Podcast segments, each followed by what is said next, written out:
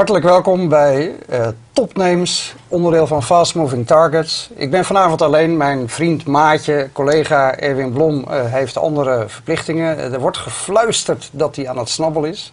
Ik heb dat nog niet bevestigd gekregen, maar misschien dat we in de loop van de avond daar de bevestiging van kunnen geven. Het is een mooie avond. We hebben twee gasten. We hebben Hilde Roodhart en we hebben Tom Kniesmeijer bij ons in de studio.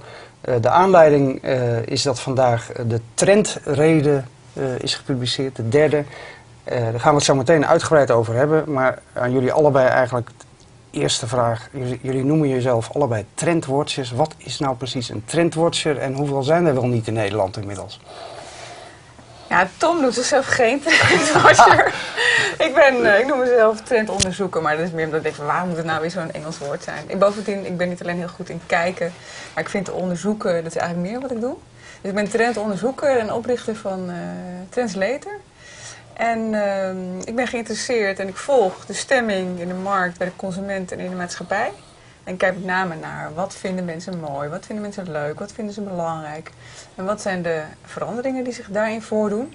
En ik probeer na te denken voor bedrijven en organisaties over mogelijkheden om ja, die ontwikkelingen te vertalen, die trends te vertalen. Ja, maar hoe kom je daarin terecht? Jij hebt een achtergrond in de mode. Volgens mij ben je ja, afgestudeerd aan de modeacademie, modestylist. En ik las zelfs prognosestylist. Ja. Hoe, hoe kom je dan in die trendbusiness terecht? Nou, ik heb een beetje dezelfde route doorlopen als um, de illustre Liewij Edelkoort. Ik hield me op de academie liever niet bezig met knoopsgaten, maar wel met uh, inspiratie die je als vormgever nodig hebt. Dat verzamelen. Dat vond ik heel erg interessant. En dat vond ik eigenlijk leuker dan het maken, dan het, ja, dan het interpreteren van die verzameling inspiratiebronnen naar een collectie toe. En ik ben me daarop gaan toeleggen. En dat heb ik eerst gedaan voor uh, ja, prognoses voor uh, kledingcollecties, op soort van kleur, vorm en materiaal. En toen vond ik het eigenlijk nog interessanter om te kijken naar hoe, hoe komt het nu dat bepaalde kleuren, vormen, materialen heel erg populair zijn. Dat komt omdat er een andere stemming is, omdat er een andere mentaliteit is. Daarom vinden mensen ineens blauw mooi of rood mooi. En dat ben ik gaan beschrijven en verbeelden. En toen uh, was daar nog geen naam voor. En op een gegeven moment viel de term trendwatching, daar heb ik het over, eind jaren negentig. En ja, toen werd ik zo genoemd. En dat vond ik eigenlijk een goede naam, dus toen ben ik dat maar gaan gebruiken. Ja, we hadden net een voorgesprek, eh, Tom, en toen zei jij van ja, ik gebruik dat niet meer. Nou, ik, heb, ben het ook nooit geweest. Dus uh, ik ben van oorsprong psycholoog en ik noem mezelf altijd toekomstpsycholoog. Als dat vind ik ook een mooie. Wat ja, is dat? Nou ja, ik, als psycholoog uh, ben ik gespecialiseerd in hoe mensen omgaan met veranderingen in hun leven. Uh, en die pas ik heel erg toe op, toeko op toekomstige ontwikkelingen. Dus ja, hoe gaan mensen eigenlijk om met de veranderingen van de toekomst? Dus waar Hilde net ook zei, als je het hebt over stemmingen en mentaliteit van mensen. Nou, mentaliteit zit je al heel dicht tegen de psychologie aan. Hoe gaan mensen om met de dingen die om, om hen heen gebeuren? Um, ik heb daar een, ooit een boek over geschreven, De Seizoenen van de Tijdgeest. Schitterend boek. Ja, bij deze uh, de reclame gemaakt. Ja, 2009, hoeveel drukken heb je ervan verkocht? Ja, de eerste druk is nu bijna uitverkocht. Okay. Dus het gaat lekker. Ja. ja. Dus die, uh, volgend jaar de tweede druk. Ja. Uh, maar vanavond natuurlijk helemaal. Nee, maar wat ik ook, uh, hoe ik vanuit dat boek ben ik ook uh, bij Hilde en andere trendwatchers terechtgekomen. Omdat ik had het boek geschreven en toen werd ik genomineerd als trendwatcher van het jaar. Dus dacht ik, nou blijkbaar ben ik trendwatcher. Um, en dat vond ik wel, vond, nou, behalve dat het een enorme eer was, kwam ik dus op een feestje met alle trendwatchers. Uh, en dan hoor je het verhaal van al die mensen waar ze mee bezig zijn. En ook iets waar ze, wat ze van hun presentaties uh, laten zien. En ik vond eigenlijk uh, direct een soort rode draad tussen alle verhalen die mensen vertelden. En zei, hé, hey, we hebben eigenlijk allemaal wel in onze presentaties iets over sociale netwerken, hoe mensen proberen samen nieuwe organisaties op te bouwen. Hoe ze proberen Nederland weer een klein beetje te veranderen door samen te gaan zitten in uh, allerlei gebouwtjes en in allerlei comité's. Misschien moeten we de data bij het woord voegen en dan met z'n allen elkaar gaan zitten en Nederland een setje geven. Als wij vinden met z'n allen als trendwatchers dat, uh, dat er wat meer sociaal moet gebeuren. Dat mensen elkaar wat op weg moeten helpen en elkaar wat meer moeten inspireren. En dat zeggen wij allemaal in onze presentaties. Laten we het dan ook zelf doen. Ja, dan kom je, kom je al een beetje bij de, ja. de, de, de trendreden. Jij bent eigenlijk de geestelijk vader, uh, heb ik begrepen. Dat is een hele mooie term, ja. Um, dit programma, uh, Topnames, hier behandelen wij eigenlijk uh, altijd de, de, de, gevolgen van de digitalisering op, op allerlei sectoren in de economie en in, in de samenleving. En ik zou willen proberen vandaag met jullie te kijken naar, naar die trendreden die, uh, waar jullie allebei een bijdrage aan hebben geleverd. vandaar dat ik jullie ook graag allebei samen aan tafel wilde. maar ik zou wel willen proberen het een beetje te filteren richting het thema van ons programma. Hè? Digitalisering, social media, ja. alles wat daarmee te maken heeft. Um, hij is vandaag uitgekomen. Hoe, hoe komt dit tot stand? Want we hebben een stuk of tien uh, mensen een bijdrage aangeleverd. Gaan jullie dan, ja. jullie sluiten je op in een, in een ruimte ergens en dan gaan jullie de trends van dit jaar proberen te analyseren. Want het is het derde, hè? even voor de duidelijkheid. Hoe, hoe werkt dat? Hoe komt het tot stand? Nou, heel veel van die trendwatchers zijn behoorlijk actief online. Maar ze vinden het juist ook heel erg leuk om uh, andere trendwatchers te ontmoeten en samen te komen. Ik denk dat we gedurende een aantal maanden, één keer per maand samenkomen bij Meet in Utrecht om uh, onze ideeën Ronald van elkaar... Hof hebben we hier ook een keer gehad. Ja. ja. Om onze ideeën aan elkaar, is ook een van die trendwatchers, om uh, onze ideeën aan elkaar te vertellen en om ja, zelf ook een keer de tijd te nemen om uh, ideeën uit te wisselen, kennis uit te wisselen. En ja, bijdrage daaraan te leveren en zo. Dat helpt ons ook weer om onze eigen inzichten en ideeën verder te ontwikkelen. Uh, en op een gegeven moment ontstaat daar, ja, dan al, iedereen heeft een bijdrage geleverd en dan uh, stoppen we dat bij elkaar. En dan gaan we flink in die informatiepot roeren. En op een gegeven moment dan uh, ontstaat daar een, een, document uit dat hier ja, voor je ligt. Ja, dat is een lijvig document. Ton, wat zijn de belangrijkste veranderingen? Het is de derde keer, hè? Ja. Wat, wat is hier nou echt anders dan de afgelopen twee versies van de Nou, er zitten een aantal... Ik, ik, wil het even aan de camera laten zien, ja. Peter. Welke camera moet ik dan hebben? Deze? Ja. Zo ziet hij eruit. Het is een, het is een mooi boekwerk. Uh, je kunt hem downloaden trouwens. Uh, geef even de URL. Uh, www.trendreden.nl Dus makkelijker kan het niet. makkelijker kan het niet. Daar kun je livestream van de presentatie. Als je visueel ingesteld bent, kun je naar ons kijken als we hem voorlezen. Ja. En als je hem wilt downloaden op papier, dan kun je hem daarna gewoon printen. Ja. En je kunt nog een app downloaden ook. Dan kan je hem gewoon op je telefoon bekijken. Dus wat jij wil, zeggen we. Ja, ik wil zo wel even een paar dingen in detail doornemen. Wat, maar wat zijn de belangrijkste veranderingen ten opzichte van de eerdere versies? Nou, je ziet dat een bepaalde ontwikkeling. We hebben niet voor niks zijn we dit jaar begonnen met Maaiers hadden toch gelijk de wereld vergaat. Um, je ziet dat allerlei systemen gewoon aan het instorten zijn. Of je nou over het financiële systeem hebt of over het politieke systeem. Als je naar de verkiezingsdebatten, het is nu wel een van onze concurrenten op televisie. Maar... Ja, het begint pas over een half uurtje. Ja, maar, goed, dus, maar daar gebeurt al. Mensen krijgen daar steeds meer kritiek op, op het hele politieke stelsel, op het sociale stelsel. Um, al die systemen lijken een beetje vastgelopen.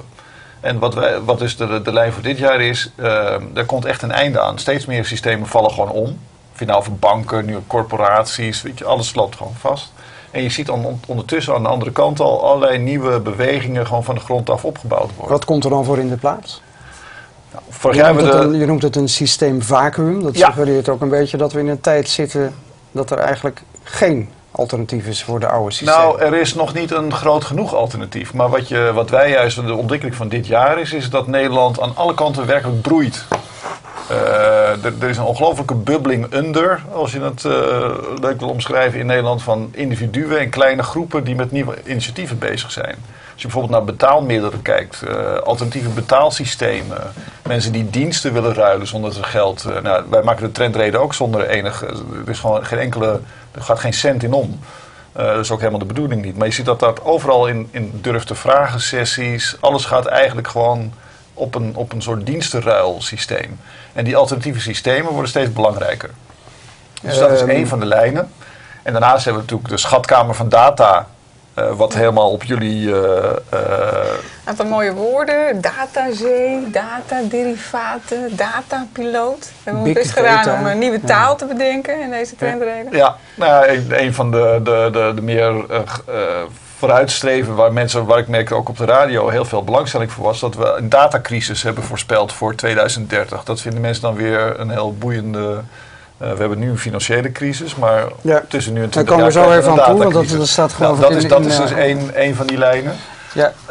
Um, en maar ik, als we even bij, bij, de, bij die het punt wat je net noemde, uh, het, het, het, uh, eigenlijk beschrijven jullie het vrij positief. En zeg je van nou, er is een systeemvacuum, maar we zien overal nieuwe initiatieven. En ik, er spreekt een soort van optimisme uit. Is, is dat wel echt uh, hoe het is? Is het niet juist een beetje de lamlendigheid die overheerst? Ja, de lamlendigheid overheerst wel heel erg. Maar als je nieuwe dingen wilt beginnen, dan heb je altijd te maken met de strijd tegen het oude. We zeggen hier, uh, je hebt te maken met uh, de, ja, de koude douche van... als, je, als je denkt dat het, het verleden een warme douche is, dan krijg je te maken met het koude douche van de toekomst. Um, en we hebben nog heel erg moeite met het vinden van die nieuwe taal. Dat hoor je ook met de verkiezingen. Hebben we het nog steeds over links en rechts. Met heel erg gedacht in polarisatie. En het gaat over arbeid en kapitaal. We hebben eigenlijk nauwelijks door dat dat allemaal woorden zijn uit een, een eeuw die inmiddels al, een, ja, dat is al honderd jaar geleden, langer geleden bedacht allemaal. En we moeten inderdaad op zoek naar alternatieven. En het gaat om alternatieven voor consumeren en produceren, alternatieven voor organiseren. Want we moeten inderdaad dingen weer vanaf het begin opbouwen. Vanaf de, de, bakstenen. Nou ja, dat zijn andere bakstenen dan we gewend zijn. Het zijn nu misschien inderdaad data waar we mee moeten gaan bouwen. En daar moeten we nog heel erg mee oefenen. We moeten leren zwemmen in de datazee, zoals dat uh, in de trendreden staat. Ja, nou, jij zei het ook al, misschien moeten we daar dan toch gelijk maar even naartoe, naar die data. Want het, het komt inderdaad een paar keer terug. Hoofdstuk 2 noemen jullie de schatkamer van data en aandacht. Ja. Um, in essentie, wat is er dan zo nieuw en anders aan die enorme hoeveelheid data die overal we zijn heel erg gewend om te denken in, in, fysieke dingen. Er zijn banken die omvallen, er zijn torens die instorten. Maar als je het over de Lehman Brothers, was het niet die bank die instortte. Nee, het was het financiële systeem dat instortte. En dat is overal en altijd. Dat is allemaal met elkaar verbonden. Het heeft heel erg te maken met de digitale wereld waar we in leven. En dat is, onze, ja, dat is een grote dreiging, maar dat is ook een grote kracht. Want iedereen kan over de hele wereld mensen vinden met dezelfde ideeën. En ik kan roepen van, goh, ik heb hier een probleempje. Heb jij er misschien een oplossing voor? En heb je eigenlijk heel snel heb je, ja, de dingen verder gebracht... dan wanneer je je eentje in een afgesloten kamer eh, had gezeten. dat is eigenlijk het soort van ontwikkelingen dat we ja, zichtbaarder proberen te maken, tastbaarder proberen te maken. Om mensen ja, duidelijk te maken. Ja, we denken nog in termen van arbeid en kapitaal, links en rechts, maar we moeten eigenlijk waarde vinden en waarde creëren op hele andere plekken en op hele andere manieren. Nou, dan signaleer je die data. Je noemt het, uh, ik, ik ga een beetje langs de tussenkopjes in, je, uh, in, in, het rapport, want dat is wel behulpzaam om, om, behulpzaam om het een beetje in te redden. Je hebt het over data goudkoorts. Ja. Um, nou, in, als je het over trends hebt, een, een, goudkoorts is iets wat komt op en dat is ook weer weg. Uh, bedoel je daarmee te zeggen dat dat van tijdelijke aard is? Nou, het, het krijgt wel iets. Een goudkoorts uh, is natuurlijk wel iets wat altijd blijft. Hè? Dus de, macht van goud, het glimmende, dat je het goud zoeken. Dat is een icoon waar mensen denken van ja, daar, ligt iets van waarde. En ik kan het vinden als ik maar ga zoeken. En eens in de zoveel tijd komt er zo'n goudkoorts echt op gang. En dat zie je dus nu met data. We, we, zitten een beetje in een periode van nieuwe alchemie. Uh, het voorbeeld wat bijvoorbeeld ook in het trendreden staat, is dat, dat je gewoon door data opnieuw te combineren ineens een hele nieuwe wereld kunt openen. Uh, Zo'n 15-jarig jongetje wat in, in Amerika een, een, een, een hele effectieve en belachelijk goedkope test op alvlees, ik moet even, alvleesklierkanker ja. uh, heeft verzonnen. dat heeft hij gedaan door wat te googelen tijdens een biologieles. Ja. En dat, dat blijkt dus een doorbraak te zijn in dat soort uh, uh, testen. Ja, dat, zijn gegeven, dat, dat blijkt dus dat er, er ligt een data-C voor ons, die, die nog werelden gaat openen die we nog niet eens kunnen benoemen. Ja, jullie noemen ook voorbeelden in de zorg, hè? Ja. In, in je, uh, ja, dat... Het wordt ook al in de politieke discussies af en toe, maar via de zijkant wordt het een beetje betrokken is dat, dat er wordt heel veel onderzoek gedaan naar uh, praktijkervaring in de zorg. Dus wat doe jij en wat doe ik en wat is eigenlijk het meest effectief? Die data komen niet bij elkaar. Dus als jij een arts bent die mij wil opereren omdat je, ik pijn in mijn knie en jij zegt ja, dan moet je echt uh, moet je een knieoperatie. En een andere arts doet al tien jaar lang uh, een pilletje en dat pilletje blijkt eigenlijk veel effectiever te zijn en, en vier keer goedkoper. Dan is het misschien handig als, als mijn arts dat ook te weten komt. Want anders lig ik voor niks op die snijtafel. Ja. Nou, die, dat soort data's worden nog helemaal niet gebruikt. Maar je kunt je voorstellen, wat een enorme uh, kostenbesparing, maar ook gewoon een enorme hoeveelheid nieuwe kennis en mogelijkheden dat op gaat leveren als je die data wel goed kunt combineren. Ja, maar goed, jullie zijn de trendexperts. Uh, Je hebt het erin gezet omdat je ziet dat het een trend is of aan het worden is. Het, het, je, waarom we het erin hebben gezet, waarom we dit jaar als onderwerp hebben benoemd, het verleden jaar nog niet, is omdat je bijvoorbeeld ook ziet dat, dat zo'n hoogleraar die onderzoek doet naar zo'n zorg, dat, dat hij de doorbraak heeft bereikt. Dus dat, dat het nu begint in te stromen, gewoon in de praktijk. En dus gaan we de komende jaren echt een vloedgolf aan dat soort ontwikkelingen zien. Dat mensen ineens denken, hé, hey, maar shit, dat, dat doet hij dus bijvoorbeeld bij uh, uh, zorg, maar kunnen we dat ook niet gewoon bij woningcorporaties uh, gebruiken? Want dat is ja, hetzelfde data. Hoe kunnen we data combineren zodat we betere huizen kunnen bouwen voor welke behoeften er werkelijk zijn in, in, in de woningbouw? Nou, ja. Dat soort data goudkoorts, dat is wat, wat de komende jaren echt, echt gaat ontstaan. En data goudkoorts ook letterlijk, omdat met data gewoon ongelooflijk veel geld te verdienen is. Dus al die, uh, die discussies die er nu zijn over Facebook, die we nu nog een beetje wegwimpelen, omdat we het nog steeds wel aardig vinden, we allemaal leuk. Ja, we denken dat het gewoon leuk en gezellig is. Ja, ja. maar de, de, aan de achterkant ontstaan daar dus al enorme miljoenenhandel in data. Miljardenhandel. Ja, ja, en daar komen we nog wel een keer van terug. Want op een gegeven moment, als jij over vijf jaar van je verzekering te horen krijgt dat, je, dat jouw premie toch verdubbeld moet gaan worden, omdat je nou, uit jouw datapakketje wat ze gekocht hebben bij Facebook blijkt dat je toch wel erg veel gedronken, gesnoven en uh, uh, wilde nachten hebt gehad.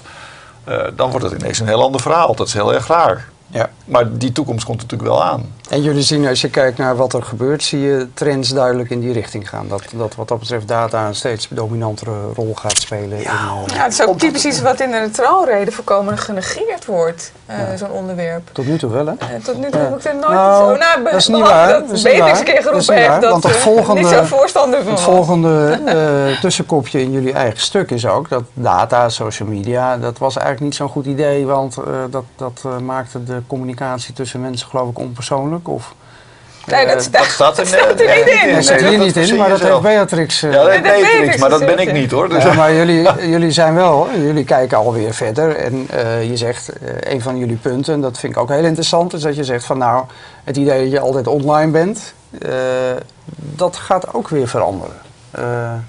Jullie, nee, dat zeggen we eigenlijk niet hoor. We zeggen eigenlijk dat wat we gaan... Heb ik het niet we gaan, goed gelezen? We gaan eraan wennen. Dus we zeggen, we, we zitten nu nog in een overgangsfase.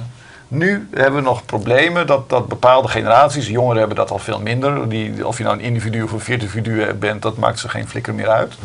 Uh, je loopt gewoon een beetje door je online en, en offline uh, zaken heen. Maar we hebben nu nog een generatie die moeite heeft om met dat altijd, altijd online zijn.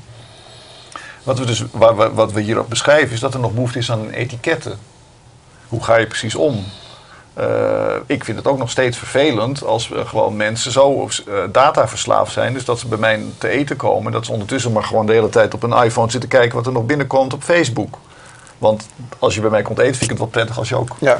Net zoals je, als jij gewoon. Uh, maar goed, dat, dat is dus wel een trend. En je, je zegt time-out als onderdeel ja. ervan. Van dat, dat, dat, dat wel dingen, of dat wel iets wordt waar mensen toenemende mate ook behoefte aan krijgen. Dat ze moeten leren zwemmen ja. in de datazee. Zo omschrijf je het, geloof ik, hè? Nou, het betekent dat je ook op een andere manier geconcentreerd uh, moet kunnen zijn. Dat is uh, iets wat we nog moeten leren. Het blijkt multitasking. Je kan toch het is beter om je op één ding te concentreren, omdat je dan uiteindelijk datgene beter kan doen in een kortere tijdsbestek. Dus ja, dat is best wel lastig. Hè? Want je hebt het idee, als je drie dingen tegelijk doet, dat je het dan sneller en beter kan doen. Dat blijkt toch, toch echt niet zo te zijn. Dus we moeten nog wel leren om daar uh, op een goede manier mee om te gaan. Ja, dus het, dat is wat we zeggen, wat we moeten leren is de mengel tussen langzame aandacht en snelle technologie. Dus sommige dingen moet je gewoon even heerlijk uh, langzaam over nadenken, omdat je gewoon echt dingen moet combineren en dat is lastig. En soms moet je gewoon de snelle technologie zijn werk laten doen. En is ja. dat gewoon weer heel erg boeiend. Ik heb zelf het idee dat, dat, ik... uh, dat, dat we op dit moment een beetje in de fase zitten dat, dat we de eerste terugslag zien van het enthousiasme over die sociale netwerken en het, uh, de virtuele vriendschappen en noem maar op. Dat je nu in de voorhoede ziet dat mensen uh, het, het, weer anders gaan doen. En nou, uh, bewust uh, dit weekend hun telefoon uitzetten of, of Facebook ja. gaan maar mijden. Wat, wat, zien jullie dat ook? Wat ik gemerkt heb, ik heb een tijdje lang onderzoek gedaan in het kader van wat ik toen noemde Project Hoop. En wat ik toen merkte is dat heel veel van die mensen die in kleine kamertjes of in buurthuizen of eh, plekken, ja, in cafés en dergelijke, eh, op zoek zijn naar alternatieven voor de bestaande orde. Dat die uh, ja, voortdurend erop uitgaan en geen vaste werkplekken hebben. Dat zijn typische nieuwe werkers. Mensen die het nieuwe werken bedrijven. Maar ze kennen elkaar ook allemaal online. Ze zitten allemaal met elkaar te twitteren. Ze zijn allemaal met elkaar verbonden. Dus eh, dat is eigenlijk wat we proberen te, te, ja, te signaleren en duidelijk te maken. Dat er heel veel kleine eenheden zijn, kleine groepjes mensen, die allemaal een stukje van de knoop ontwarren, van de complexiteiten van de crisis waar we in, crisis met een E, waar we nu in zitten. Maar doordat ze al met elkaar verbonden zijn, uh, ja, en allemaal maken ze een stukje van die knoop los. Uiteindelijk ontstaat er dan toch een groter alternatief systeem. Dat, maar dat is niet hiërarchisch. Dat is niet zo georganiseerd in zuilen zoals we dat nu toe gedaan hebben. Dus dat heeft een andere karakter. En dat, ja, dat, dat moeten we nog wel in kaart brengen en zien. En wat jij dus zegt, hè, dus uh, mensen die bewust een telefoon uitzetten, dat vind ik dus een overgangsfase. Dat betekent dus als jij je telefoon uitzet, betekent dat jij dus het karakter bent wat gewoon niet je telefoon met rust kunt laten. Ik zet mijn telefoon nooit uit, maar hij zit nu in mijn tas omdat ik hier met jou een interview heb. Ja. Ik, ik dus kreeg net een ik heb wel even gekeken. Ja, nou ja, dat, dat is dus de, Maar dat geeft ook niet als je gewoon... Als je denkt, nou, misschien krijg ik nog een belangrijk sms'je binnen waar ik wat mee kan. Maar ik, ik weet dat ik nu gewoon in een interview zit. Dus voor mij is het een beetje belachelijk om hier nog even tussendoor mijn sms'je. Dat vind ik. Hè? Dus dat, maar dan ja, dus ik zou het ook een beetje raar vinden. Dus, Maar datzelfde is dus, waarom zou je in het weekend je telefoon uitzetten? Dat is toch een beetje stupide. Maar je moet hem gebruiken waar hij voor is. Die snelle technologie gaat toch wel door. Maar als ik gewoon even met Hilde over de nieuwe trend. Ja, maar wat jij zegt, er zit een zekere mate van geforceerdheid in, omdat we er nog niet helemaal aan gewend zijn om daar niet mee om weten te gaan. En binnenkort gaan we gewoon, dan zwemmen we er gewoon lekker tussendoor. Ja, jullie gebruiken dat woord ergens anders ook. Het, ik weet niet precies hoe je het formuleert hoor, maar het zoeken naar balans. Ja, uh, in balanseconomie. De balanseconomie. Ja. Uh, past wat we nu bespreken daar ook in? Of is dat weer een... Nou, dat gaat misschien minder over data, maar dat gaat over dat we te gretig zijn geweest. Dat we als, uh, als slakken en rupsen, ja, vooral rupsen doen dat, hè, uh, heel veel dingen hebben opgegeten, maar uh, niet hebben gezorgd. duurzaamheid eigenlijk. Niet hebben gezorgd voor de.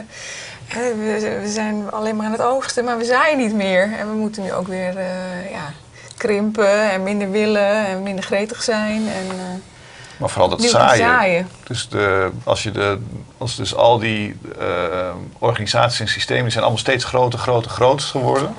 En als het groter wordt, dan verdwijnt dus de samenhang. En verdwijnt ook een gedeelte van de kracht die in, die in dingen zitten. Dus banken zijn zo groot geworden dat ze ontploft zijn. Dat is eigenlijk letterlijk wat er gebeurd is. Ja.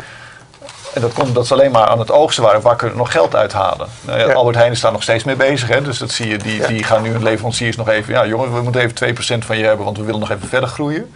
Die zijn alleen nog maar aan het oogsten. Ja. Uh, als niemand meer zaait, dan is het op een gegeven moment. Ik bedoel, het is een hele letterlijke metafoor. Als niemand meer zaait, dan hebben we over straks niks meer te eten. En, en wat je dus nu ziet in die economie is dat nieuwe mensen weer gewoon klein aan het zaaien zijn. Tesla wil gewoon zelfvoorzienend zijn met zijn energievoorziening in 2020 die gaan zaaien. Die gaan overal zonne-energie, windenergie, waterenergie. Kijk, wij, wij behandelen hier aan tafel regelmatig van die, die, die, dit soort dingen die je ziet in de digitale voorhoede. Nou, de, de mm do-it-yourself beweging. Uh, ja. Uh, weet je wel, de neiging. Er komt ruimschoots aan bod in deze trendreden. Komt ruimschoots aan bod. maar zijn dit nou echt, jullie proberen echt dat soort dingen op te pikken waarvan je in die intellectuele voorhoede vaak ziet dat ze al opkomen. Hoe, hoe doe je dat nou? De, hoe maak je als trendwatcher dan dat onderscheid tussen dingen waarvan je denkt, ach, dat, is, dat gaat wel weer voorbij, of nee, dit is een trend? Want die zelfwerkzaamheid, dat benoemen jullie wel echt als een trend. Ja. Ja, we proberen niet alleen maar te kijken. Nee, we proberen niet alleen maar te kijken naar uh, de gadgets en de hypes en dingen. Hè. De, het is vaak fysieke dingen of hele kortstondige dingen. Dat zijn ja, wij maken onderscheid tussen markttrends, consumententrends en maatschappelijke trends. En consumententrends, het is misschien een vreemde gedachte, maar het gedrag van consumenten, de behoeften van consumenten veranderen eigenlijk helemaal niet zo snel. Als mensen, mensen zitten vanaf 2001 tot 2008, dat is een periode waarin de stemming heel erg gericht was op muren bouwen en uh, multiculturele debat en uh, hoe heette dat? Uh, hoofddoeken, precies. Maar vanaf 2008 is dat eigenlijk is dat weer een beetje weggezakt. Ja. Dat multiculturele debat, oké, het wordt nog wel genoemd, maar het is al wel een beetje gepasseerd station. Maar het is wel zo'n periode van 7, 8 jaar heeft dat gespeeld. En wij proberen juist die omslagmomenten ja, voor onszelf zichtbaar te maken en dat vervolgens ook aan anderen over ja, te vertellen. Dus, dus, wat wij eigenlijk in principe doen is, de, uh, ja, ik heb altijd een waar is de camera, nou die waarschijnlijk is, dat, dat, het gaat altijd in een soort golf. Dus wat mensen altijd met trendwatchers is dat die ieder jaar wat anders vertellen. Terwijl wij juist zeggen, jongens, er zijn golven die gewoon jarenlang volhouden. En wij vertellen het eigenlijk pas als we zien dat die golf begint aan te zwellen. Dus wat jij zei, ja, wanneer is het interessant? Als de golf dus in, in belangrijkheid begint toe te nemen. En dat is nog wel een klein stukje. Ja. Maar je kunt voorspellen dat, ja, dat, dat die groter wordt, omdat je gewoon ziet dat het een bepaalde kritische massa begint te bereiken. Ja, de, de dus- hype cycle. Uh, ja, ja, ja, dus ja, iedere, iedere uh, data nerd die weet hoe, hoe dat soort dingen werken. Dus de, het gaat erom dat je, dat je ervaring krijgt in wat het omslagpunt is van bepaalde ontwikkelingen. Nou, Goed, je, kunt, je kunt naar de daytraders kijken, om het maar even met de financiële analisten te, te vergelijken. Maar je kunt ook kijken naar lange, lange cycli, lange lijnen. Ja, en dan zitten, dat is wat we proberen te doen. En dan heb je net verteld, dan zitten jullie met 12 trendwatchers meer meerdere dagen of dagdelen bij elkaar in Utrecht. Wat zijn nou de dingen, noem eens een paar dingen waar jullie het niet over eens waren, die niet in het rapport zijn gekomen? Dat, je, dat er iemand zei van, Zo. dit vind ik belangrijk en dat iemand anders zei, nou, ik vind ik helemaal niet. Of, nou, of zijn we het dan allemaal eens? Dat kan ik me nou, we proberen, vooral te, we, we, proberen vooral ook te kijken naar op welke, op welk punt zitten we nu in die cyclus. Is dat iets wat eigenlijk heel veel mensen al wel weten, dan hoeven we het niet nog eens een keer te vertellen. Of zijn het dingen waar eigenlijk helemaal geen debat over gevoerd wordt, die juist wel heel belangrijk zijn. Dus we proberen juist de dingen ook te benoemen die ja, vooral achtzaam te worden of die mensen eh, ja, niet in hun hoofden hebben. Dingen zichtbaar te maken die voor velen nog niet zichtbaar zijn. De revolutie start dit keer niet met grote gebaren, maar vanuit individueel vakmanschap en zelfsturing. Ja, ja, die zelfsturing heeft te maken met dat mensen, de do-it-yourself uh, beweging. Ja, ook weer vanuit data, uh, het voorbeeld dat wij noemen, bijvoorbeeld buurtzorg. Een van de leukste ontwikkelingen in Nederland. Uh, dus thuiszorg verlenen aan mensen, er werken 5500 mensen. Als je dus bedenkt dat, hoe groot dat al gegroeid is in een paar jaar tijd. 5500 thuiszorgers. Die werken in kleine zelfstandige teams, zonder enige manager. Maar wel met een ongelooflijk geavanceerd IT-systeem. Dus als, als ik jou moet verzorgen omdat jij een bejaarde bent met een gebroken heupje. En ik, heb, ik kom een complicatie tegen die ik niet snap. Kan ik per telefoon binnen twee minuten skypen met een, een iemand in Brabant. Die al een keer zo'n bejaarde heeft gehad. En die precies kan uitleggen hoe je daarmee om moet gaan.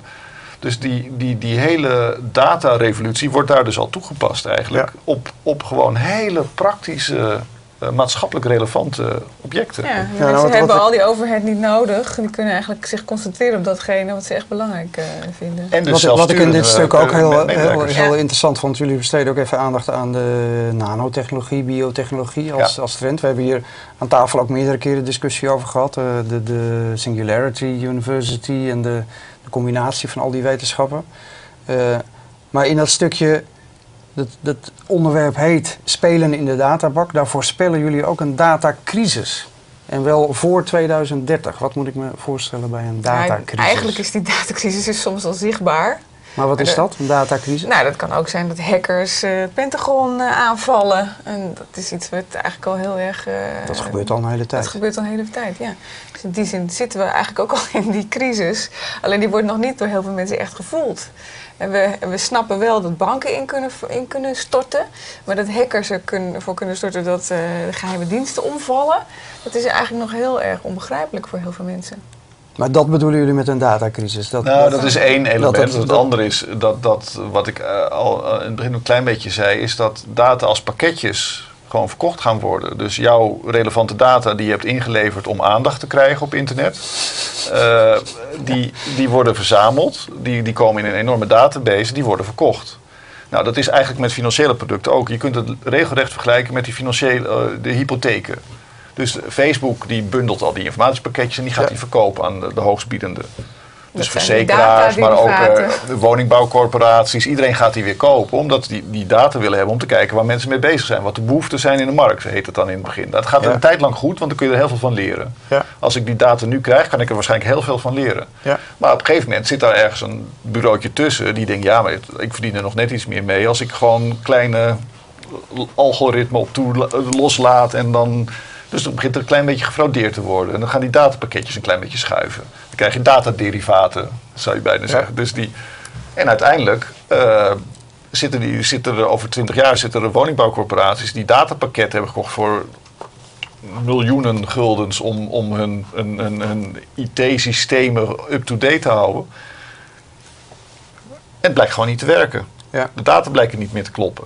Ja. ja. dan krijgen we uiteindelijk een enorme datacrisis. Uh, overheden die niet meer goed kunnen functioneren omdat ze met de verkeerde uh, databronnen werken. Uh, verzekeraars die dus jouw verkeerde premies gaan berekenen omdat je in het verkeerde datapakketje terecht Maar wat je eigenlijk voorspelt als trend is dat, wat natuurlijk heel belangrijk is bij data, dat weet elke wetenschapper, het valideren ervan, dat dat mhm. misschien wel het zwakke punt is in wat op dit moment gebeurt.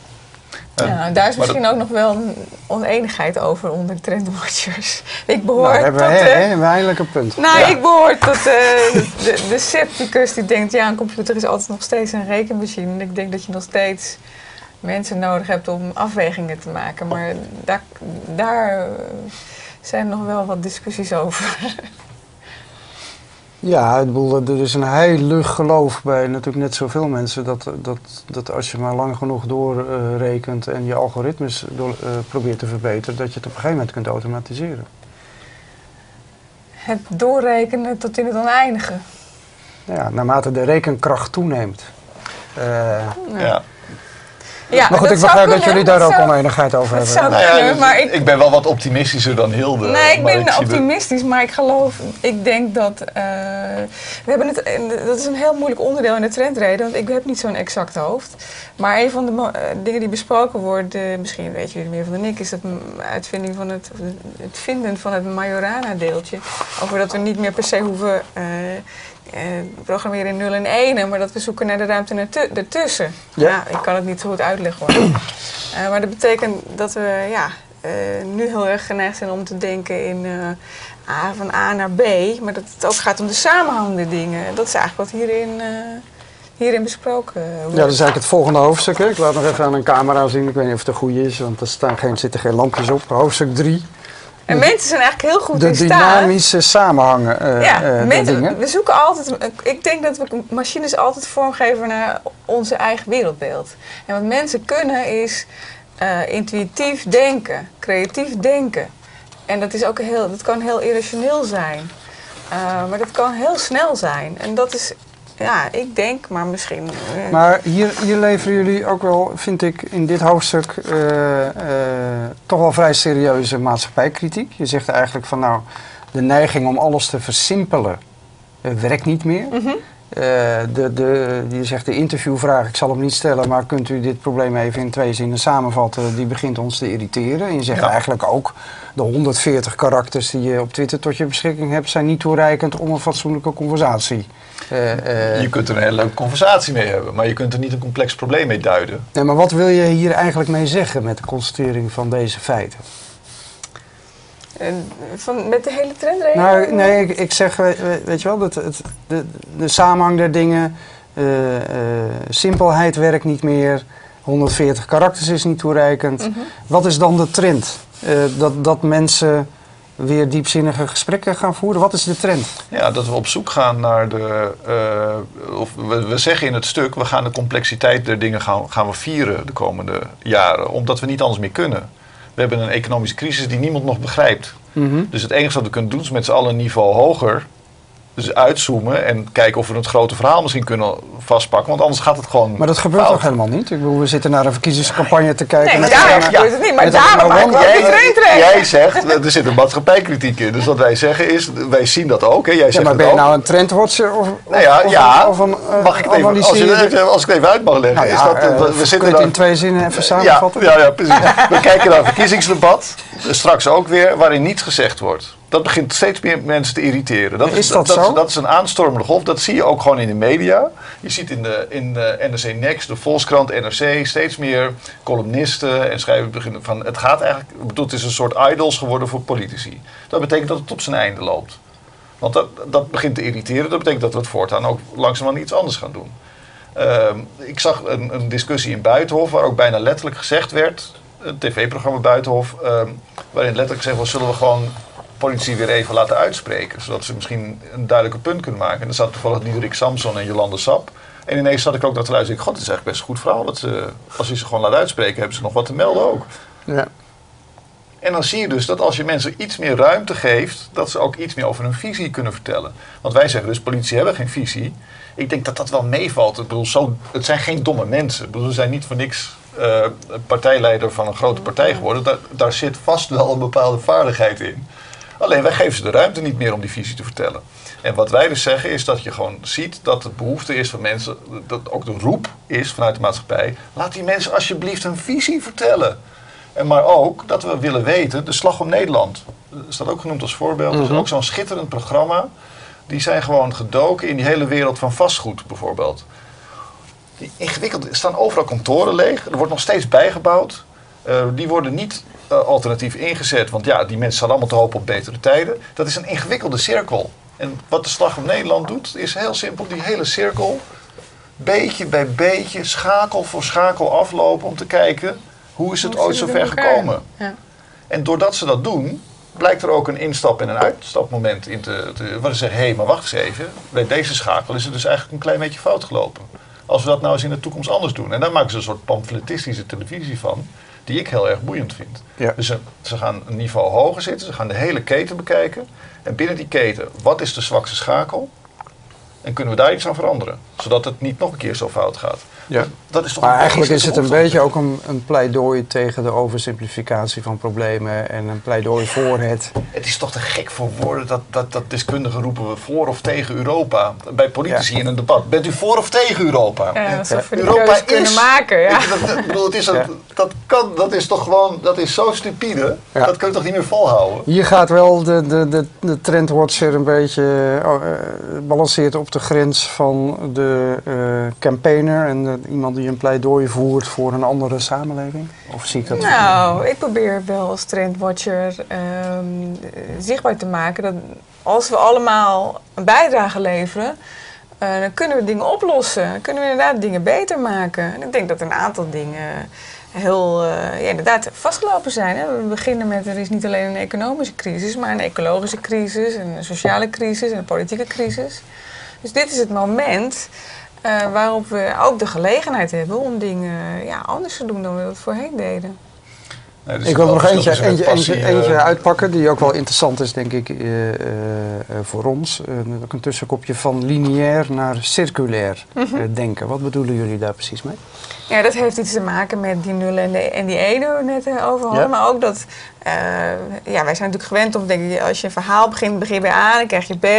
Als je een betoog opbouwt, dan begin je eerst met een inleiding en dan krijg je een, een hoofdstuk en dan zo gaat het verder. Terwijl online hangen alles, je alle kanten alles samen. Ja. als je begint met Google, dan eindig je op een hele andere plek dan je aan het begin gedacht had. Dat is de manier waarop onze werkelijkheid er nu eigenlijk steeds meer uit begint te zien. En dat, ja, dat kun je ook vertalen naar uh, ja, denken in kringlopen. We moeten niet uh, denken dat we uh, altijd maar in een stijgende lijn gaan, maar we moeten dingen rondmaken. We moeten niet altijd willen groeien en altijd meer willen. Maar we moeten dingen uh, ja, van, van oogsten naar zaaien. Dat is, dat is een, uh, een stapje die we maken. Dat, dat we maken in de trendregeling. En dat ook afwisselen. Ik bedoel, dat is de, dat is de cirkel. Ja, dat is, dat is die samenhang die we moeten vinden. Dat klinkt bijna zalvend. Dat staat geloof ik ook in het CDA-programma. Er zitten een aantal dingen in het CDA-programma die best aansluiten. Ze hebben het ook gelezen verleden jaar. Compassie. Dus ja, ja dat, dat, we hebben dat eh, bevestigd gekregen dat het op tafel heeft gelegen. Dus, eh, de, de, dus dat zou best kunnen. Maar het CDA heeft ook wel eens gelijk natuurlijk, op, op sommige punten. Sommige punten. Ja. Dus die, uh, maar dat, dat circulaire denken zit zo in de... Omdat we hebben nu zo vaak dus een, een enorme periode van groei en daarna een crisis gehad... dat je ook wel zou kunnen nadenken of je het misschien ook gewoon als een normaal gegeven kunt gaan beschouwen dat we periodes van groei hebben waarna er weer even krimp komt. Zo gek is het toch niet? De, dus dat is ook een soort leerproces. En, en, dat vertellen wij graag ook weer even aan de maatschappij. Ik wil er nog één uithalen die ik zelf interessant vond, omdat het ook iets te maken heeft met, met data en wat wij hier vaak bespreken aan tafel. Uh, jullie zeggen, uh, we gaan weer leren de koers uit onszelf te halen. Wie blijft benchmarken verdrinkt in de datazee? Ja, blijf bij jezelf. We zijn voortdurend uh, vergelijkingen aan het maken. Terwijl als je, eigenlijk in een crisis word je ook weer alles, alles wat we doen is gebaseerd op de analyse van data en het vergelijken met gemiddelde en, en wat de norm is. Dat is even vertaald wat benchmarken natuurlijk is. Ja. Jullie zeggen... Uh, uh, nee, omdat ik kom, ik kom heel veel bij bedrijven en die lopen daar gewoon in vast die blijven maar gewoon, dat is uh, wat we ook wel beschrijven, dan, dan verdrink je dus in die datazee. Maar dan komen steeds weer nieuwe data. Weet je, dan, heb, dan heb ik een bespreking met ze gehad. En dan zullen we dus nu kijken wat de koers is, wat jullie willen, waar je heen wil. En dan kom je twee weken later en zeg ja, maar er zijn weer nieuwe data binnen. En het blijkt dat onze concurrent is nu daar en daar. Ja, als je dus continu bij je concurrent blijft kijken, die, die blijven, nou, de wereld beweegt. Die staat niet stil. Dus dan blijf je dus maar gewoon richten. Oh god, daar beweegt het. Oh god, daar beweegt Oh god, daar beweegt ook nog wat. Maar eigenlijk is dat weer zo'n punt. Er zijn we al een paar tegengekomen. Waarbij je zegt, nou, de, de overkill en de overdosis aan data begint in deze, uh, in, in deze tijdspannen zo'n terugslag te krijgen. En mensen gaan weer ah. terug naar zichzelf. En... Maar dat, dat vind ik dus niet een terugslag, dat vind ik een groei. Ja, ja maar dus wat, mensen gaan terug naar zichzelf. zich er een beetje vanaf, laat ik het zo zeggen. Als ik weet dat ik naar de deur uit wil en de gang naar rechts, dan kan ik ondertussen uit de datasee de beste route. Want rechtdoor lopen, dat wordt steeds lastiger omdat de wereld redelijk chaotisch is. Dus, dus je moet weten dat ik kan struiken over de tv die hier staat en een stoel die daar nog scheef staat. Dus die datasee heb ik wel nodig. Maar dat kan ik alleen bepalen als ik weet waar ik heen wil. Ja, als ik, rechtdoor loop, ik kom een tv tegen, denk ik, oh tv, ook boeiend, laat ik eens naar die tv kijken, dan kom ik dus nooit thuis. Nee, intuïtie wordt veel belangrijker, denk ik. Het staat niet zozeer in de trendreden, maar je kan niet alles uitrekenen.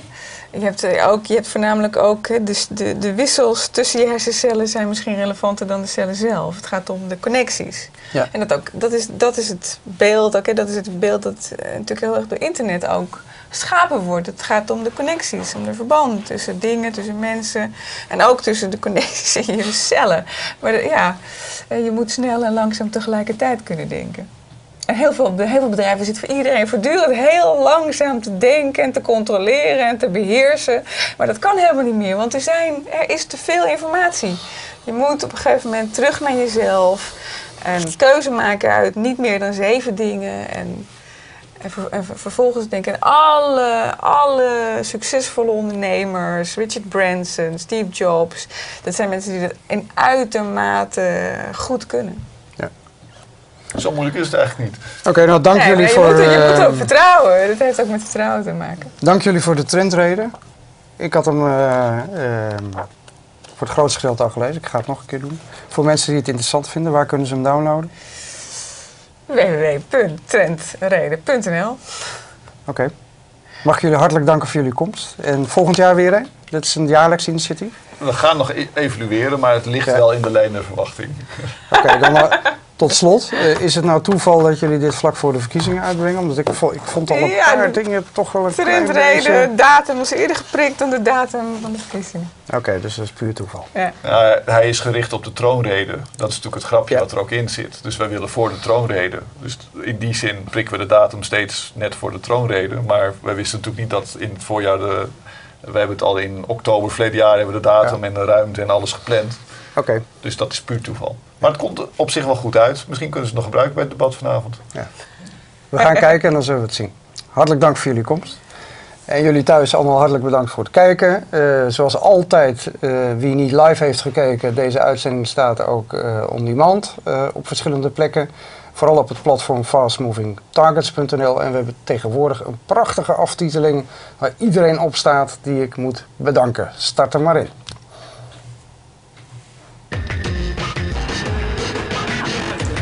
Dank je wel.